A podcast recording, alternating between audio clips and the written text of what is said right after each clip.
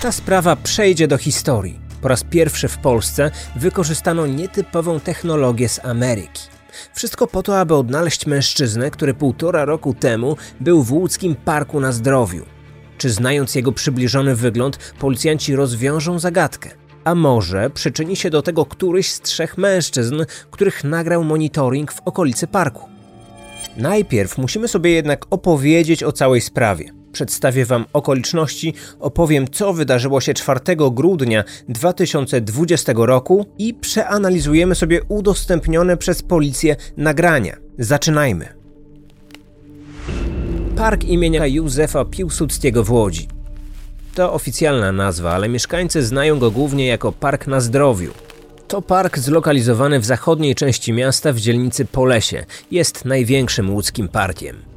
Często odwiedzany przez spacerowiczów i biegaczy. Ludzie przychodzą tutaj nawet po zmroku, choć nie wszystkie alejki są tutaj w pełni oświetlone. To teren, który interesuje nas najbardziej. W końcu to właśnie tutaj, 4 grudnia 2020 roku, doszło do niewyjaśnionego do dziś przestępstwa. Tego dnia, już po zmroku, wieczorem, pewna mieszkająca w okolicy 57-latka wybrała się do parku na spacer z psem. Chodziła tam często ze swoim biglem. Do domu jednak nie wróciła. Po jakimś czasie ludzie natknęli się w parku na biegającego samotnie bigla. Dzięki temu, że zwierzak miał chip, udało się ustalić adres jego właścicieli.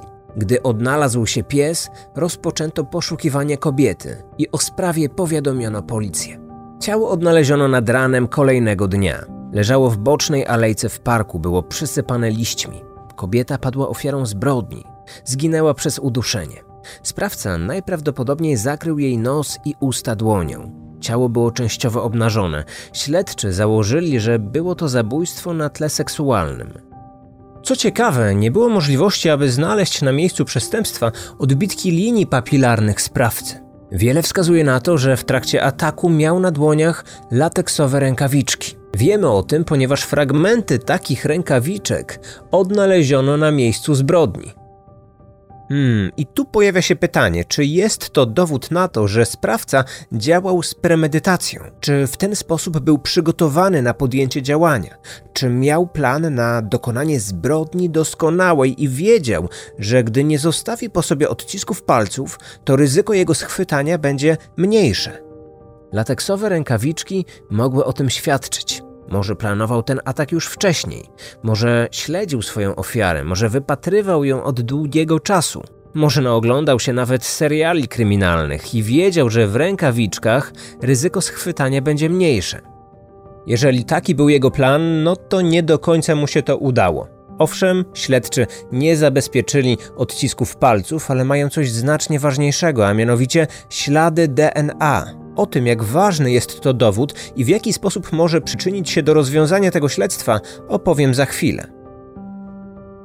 Oczywiście sprawca mógł tego zabójstwa w ogóle nie planować.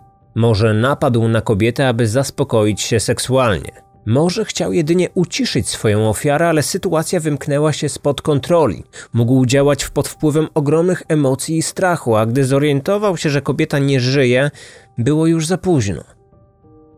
Pamiętajmy też, że był to koniec 2020 roku, a więc czas pandemii. Może był przewrażliwiony na punkcie covid i zabierał ze sobą rękawiczki wszędzie. W efekcie, na chwilę przed atakiem zdał sobie sprawę, że mogą mu się przydać. Sprawa od razu zyskała duży rozgłos w lokalnych mediach, a zresztą nie tylko lokalnych. Mówiono i pisano o tym w całym kraju. Pierwsze dni śledztwa nie doprowadziły do schwytania sprawcy, dlatego do parku na zdrowiu ściągnięto z Niemiec wyszkolone psy tropiące. Czworonogi zaprowadziły swoich przewodników na dworzec Łódź Kaliska. Jeżeli się nie pomyliły, to wskazywałoby to na to, że sprawca po ataku mógł uciec z miasta. Tego jednak nie udało się potwierdzić. Im więcej pojawiało się wzmianek na ten temat w mediach, tym większa pojawiała się panika strachu. W grudniu zmrok zapada bardzo szybko, a na tym dużym obszarze jest wiele słabo oświetlonych terenów. Nic więc dziwnego, że od teraz kobiety bały się samotnie chodzić alejkami parku. Zaledwie kilka miesięcy wcześniej łódzka policja otrzymała zgłoszenia o tajemniczym mężczyźnie, który miał zaczepiać kobiety. O tej sprawie także pisały media, więc ludzie zaczęli łączyć te incydenty z wydarzeniem, które miało miejsce pół roku później w parku. W mediach opublikowano nawet jego zdjęcia z monitoringu, prosząc o kontakt osoby, które pomogą ustalić jego tożsamość. Atakował w zachodniej części miasta, między innymi na osiedlu Teofilów, które znajduje się niedaleko parku. Zazwyczaj wchodził za kobietami do klatki schodowej, czasami wykorzystując podstęp. Tam je obmacywał. Gdy jego ofiary zaczynały krzyczeć i się wyrywać, on uciekał. Nie udało się go schwytać. Jak to możliwe, że nikt go nie rozpoznał? Dobra, może i te zdjęcia nie są świetnej jakości, ale facet wygląda dosyć charakterystycznie. Ma nietypową bluzę w biało-czarnym kolorze, y, która nie jest chyba specjalnie popularnym modelem. Rzuca się w oczy, jest łysy i krępy. Poza fotkami z monitoringu stworzono także jego portret pamięciowy, jednak to także nie pomogło w ustaleniu jego tożsamości. Oficjalnie ten mężczyzna nie jest łączony ze sprawą zabójstwa w parku. To raczej ludzie próbowali połączyć obie te sytuacje. Śledztwo trwało. Policja przesłuchiwała mieszkające w okolicy osoby oraz próbowała dotrzeć do tych, którzy spacerowali po parku feralnego wieczoru. Siedem miesięcy po całym zdarzeniu policja opublikowała w sieci trzy nagrania, prosząc tym samym społeczeństwo o pomoc w zidentyfikowaniu trzech mężczyzn, których widzimy na tych zapisach. Są to filmy zarejestrowane 4 grudnia 2020 roku, a więc wieczór, kiedy doszło do przestępstwa. Zapisy między 18.27 a 19.45. Nagrania pochodzą z kamer zamontowanych w okolicy parku. Przyjrzyjmy się im bliżej. Pierwsze nagranie. Widzimy na nim przechodzącego przez pasy na ulicy Krakowskiej mężczyznę. Ma na sobie ciemne ubranie. Na głowie czarną czapkę z jakimś białym emblematem. Porusza się spokojnym, jednostajnym krokiem, lecz jego chód jest dosyć hmm, charakterystyczny. Idzie jakby pewny siebie, na kompletnym luzie, lekko chwiejąc się na boki. Ręce trzyma w kieszeni. Po chwili widzimy ujęcie tego samego mężczyzny, ale z drugiej kamery. Teraz możemy zobaczyć go od tyłu. Gdy schodzi z pasów, od razu skręca w prawo. Idzie wzdłuż parku. Drugie nagranie. To ujęcie na parking przy ulicy Srebrzyńskiej. Jakiś mężczyzna wychodzi szybkim krokiem z parku. Po drodze mija się jeszcze z przejeżdżającą na rolkach osobą, przecina chodnik i wsiada do zaparkowanego tam auta. To granatowy Opel Astra Kombi. Niestety, zapis nie pozwolił na to, aby odczytać numer rejestracyjny tego pojazdu. Trzecie nagranie. To zapis z 19.32. Widoczny na nim mężczyzna szedł ulicą Krakowską w kierunku ulicy Biegunowej. Na twarzy miał maseczkę, a przez ramię zawieszoną saszetkę. Nie widzimy jego twarzy ani żadnych charakterystycznych znaków na jego ubiorze. Szedł szybko i zdecydowanie. Nie oglądał się za siebie. I teraz zastanawiacie się pewnie, czy któryś z tych mężczyzn widocznych na nagraniu to właśnie on, to właśnie ten poszukiwany złoczyńca. Od razu podkreślę, że policja, przynajmniej oficjalnie, nie potwierdziła tego, aby któryś z tych mężczyzn był łączony bezpośrednio z zabójstwem ale skoro byli tam mniej więcej w tym samym czasie, mogli coś zauważyć, może natknęli się na prawdziwego sprawcę. Trzeba tych mężczyzn przesłuchać, ale aby to zrobić, trzeba do nich dotrzeć, trzeba ich zidentyfikować. Skoro byli w okolicy miejsca przestępstwa, właściwie tak jak setki innych osób, ale może to oni właśnie zauważyli coś niepokojącego. Policjanci dotarli już do pozostałych osób zarejestrowanych na monitoringu, jednak tożsamości tej trójki jeszcze nie znamy. Może zwyczajnie ten komunikat nawet do nich nie dotarł. Pamiętajmy, że te zapisy zostały opublikowane jakieś pół roku później, więc y, może oni nawet zwyczajnie zapomnieli, że w tym czasie byli w okolicy parku. Może zjawili się tam przez kompletny przypadek, może zabłądzili, może wysiedli na nieodpowiednim przystanku i pół roku później nie pamiętali już o tej sytuacji. O ile ten pierwszy gość byłby ewentualnie do rozpoznania przez jego znajomych, bo widzimy jego charakterystyczny styl chodzenia, widzimy część jego twarzy, to z tymi pozostałymi, no, sprawa wygląda już nieco gorzej. Niestety, dotarcie do osób zarejestrowanych na nagraniach czasami nie jest takim prostym zadaniem. Doskonale pamiętacie przecież historię Iwony Wieczorek i tajemniczy mężczyzna z ręcznikiem, ten gość, który jest widziany na monitoringu, który idzie za dziewczyną, a chwilę później Iwona zaginęła. On jest do dziś poszukiwany, pomimo tego, że ten film był prezentowany setki, tysiące razy we wszystkich mediach w kraju. I co? I nic. Pojawiło się oczywiście wiele doniesień, wiele spekulacji, wiele plotek, ale żadna z tych wiadomości nie pozwoliła ustalić tożsamości tego mężczyzny.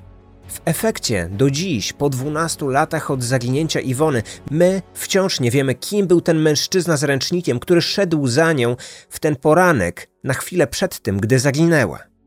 Podobnie jak wizerunek mężczyzny na moście, dwie dziewczynki nagrały tego faceta, a chwilę później straciły życie. Nagranie nie pomogło. Od pięciu lat nie znamy jego tożsamości. O tej sprawie zrobiłem już odcinek na kanale. Jeżeli chcesz poznać szczegóły tej historii, wejdź w pojawiający się w rogu odnośnik. Ale wróćmy do sprawy z Łodzi. Od wielu miesięcy trwa wzmożone śledztwo. Policjanci rozmawiali z osobami, które kręciły się tego wieczoru po okolicy. Do części z tych osób udało się dotrzeć właśnie dzięki nagraniom z monitoringu i komunikatom prasowym ale pomogły w tym także nasze telefony. Tak, te telefony, które zawsze mamy przy sobie. Gdy się przemieszczamy, nasze urządzenia logują się do różnych stacji przekaźnikowych. Na tej podstawie można określić, kto w danym czasie przebywał w okolicy parku. A takich osób były setki, może nawet ponad tysiąc. Policja próbowała do nich wszystkich dotrzeć, aby z nimi porozmawiać, aby zapytać, co tam robili i czy ewentualnie zwrócili uwagę na coś niepokojącego. Jedna z słuchaczek podcastu na kryminatoryjnej grupie wspominała, że w tej sprawie policjanci rozmawiali z jej mężem. Funkcjonariusze zgłosili się do niego tylko dlatego, że w chwili, gdy doszło do zbrodni, wspólnie z żoną przejeżdżali obok parku jadąc do galerii handlowej i akurat wtedy stacja bazowa ściągnęła sygnał z ich telefonu. Podobno w tej sprawie przesłuchano już blisko 1500 osób. Ale najważniejsze jest to, że mamy przecież materiał genetyczny, który zabezpieczono na miejscu przestępstwa. Dzięki niemu, jeżeli tylko uda się wytypować jakiegoś mężczyznę, który mógł te zbrodnie popełnić, od razu uda się potwierdzić jego udział w tym zdarzeniu albo go wykluczyć. Jak się ostatnio okazało, ten materiał DNA pozwolił także na wyciągnięcie innych bardzo ważnych informacji. O tym, że policja zna dodatkowe szczegóły dotyczące napastnika, że e, znają jego wygląd, informowano już jakiś czas temu, ale dopiero w ostatnich dniach właściwie zdecydowano się opublikować te informacje i przede wszystkim ten wizerunek. Tak wygląda morderca z parku na zdrowiu. Krzyczały nagłówki wielu serwisów. Pytanie tylko skąd wiadomo jak wyglądał ten gość, skoro nie uchwyciła go żadna kamera i nie wiemy kto jest sprawcą. Otóż takie informacje można wyciągnąć dziś na podstawie zabezpieczonego śladu DNA. Nasza ślina, niedopałek papierosa, butelka, z której piliśmy, czy wyrzucona guma do rzucia to wszystko w dzisiejszych czasach może pomóc ustalić nasz wygląd. Polska policja nie dysponuje jeszcze takimi możliwościami, dlatego analizę przygotowali eksperci ze Stanów, a ściślej mówiąc z laboratorium Parabon Nanolabs. W Ameryce wykorzystywano tę technikę wielokrotnie, ale w Polsce to pierwszy taki przypadek w historii, który od razu wzbudził duże zainteresowanie. Na podstawie DNA stworzono naukowy, przybliżony wygląd napastnika. Specjaliści wnioskują, że to mieszkaniec południowo-wschodniej Europy. Na 88% ma piwne lub brązowe oczy oraz ciemne włosy. Istnieje możliwość, że jego twarz zdobią piegi, ma od 25 do 35 lat, ale najpewniej jest w okolicach 30. I to wszystko wiemy tylko na podstawie tego znalezionego na miejscu przestępstwa śladu DNA. To niesłychane, to są bardzo ważne informacje, które mogą doprowadzić do przełomu. Ale co najważniejsze, mamy przybliżony wygląd napastnika. Pytanie tylko, na ile ten wygląd jest wiarygodny. Policjanci publikując ten raport od razu zaznaczyli, że to tylko podpowiedź, a nie prawdziwe zdjęcie. Analiza nie jest w stanie przewidzieć, jak ten mężczyzna prowadził się przez ostatnie lata, bo na przykład, jeżeli dużo pił, jeżeli palił, jeżeli miał jakieś choroby, e, wygląd nie będzie tak bardzo podobny. Musimy także pamiętać o takich szczegółach jak zarost, którego na tym wyglądzie nie widzimy. E, mógł także zmienić kolor włosów, mógł mieć inne uczesanie, na jego twarzy mogły pojawić się jakieś e, znamiona, blizny, więc wizerunek może być zgoła inny. Muszę jednak coś jeszcze doprecyzować, bo czytając niektóre komentarze w sieci, e, wydaje mi się, że pewna kwestia nie jest do końca jasna. O, tutaj mamy przykład. Oby ci naukowcy z palca sobie tego wizerunku nie wyssali, bo mogą wskazać niewinnego człowieka lub niewinnego ciągać długo po aresztach śledczych i sądach. Jeżeli ktoś wskaże podobnego człowieka, to nie znaczy, że on trafi od razu za kratki. Ten wykreowany wygląd ma być tylko wskazówką, o tym, czy wytypowany mężczyzna faktycznie zabił, zdecydują już badania DNA. Możecie być pewni, że nikt nie skaże nikogo tylko na podstawie wyglądu i podobieństwa do komputerowo wykreowanego portretu. Pewnie wy też zastanawiacie się, czy jeżeli udałoby się tego mężczyznę odnaleźć, czy jego wizerunek faktycznie byłby podobny do tego, co możemy zaobserwować na tym wykreowanym wyglądzie. Jaka jest skuteczność tej innowacyjnej metody? O tym dowiemy się oczywiście dopiero wtedy, gdy ten mężczyzna zostanie znaleziony i zidentyfikowany i na podstawie badań DNA zostanie potwierdzone, że to właśnie on. Ale spokojnie, na podstawie innych badań przeprowadzonych przez to laboratorium możemy porównać wykreowane wizerunki z faktycznym wyglądem w przypadku innych spraw. Bo eksperci przekonują, że dzięki tej metodzie udało się zidentyfikować blisko 200 osób. Rozwiązywano nawet sprawy sprzed ćwierć wieku. Na stronie internetowej laboratorium odnalazłem wcześniejsze analizy, które zakończyły się odnalezieniem osoby. Dzięki temu możemy porównać sobie te wykreowane wizerunki z prawdziwymi fotografiami. Okej, okay, może i niektóre zdjęcia są, lekko mówiąc, odklejone od wykreowanego wyglądu, ale są również i takie z bardzo dużym podobieństwem. O proszę, tutaj mamy ciekawego kandydata. Sprawa z 2001 roku z Colorado. Nieznany sprawca porwał i wykorzystał mm, dwie osoby. Policjanci zabezpieczyli jego ślady DNA. Ofiary przeżyły i przedstawiły wiele szczegółów dotyczących jego wyglądu i zachowania, ale na tej podstawie nie udało się go znaleźć. I dopiero te przeprowadzone blisko 20 lat później badania laboratoryjne pomogły wytypować mężczyznę, który okazał się poszukiwanym od wielu lat zbirem. On akurat nie odpowiedział za dokonaną zbrodnię, bo zmarł kilka lat wcześniej, ale niech to będzie dla nas przykład, że takie ekspertyzy naprawdę mogą być przełomem także w łódzkiej sprawie. 70 tysięcy złotych. To nagroda, którą wyznaczono za wskazanie poszukiwanego złoczyńcy. Jeżeli wiecie coś na ten temat, skontaktujcie się z policją. Dane zamieszczam w opisie tego odcinka.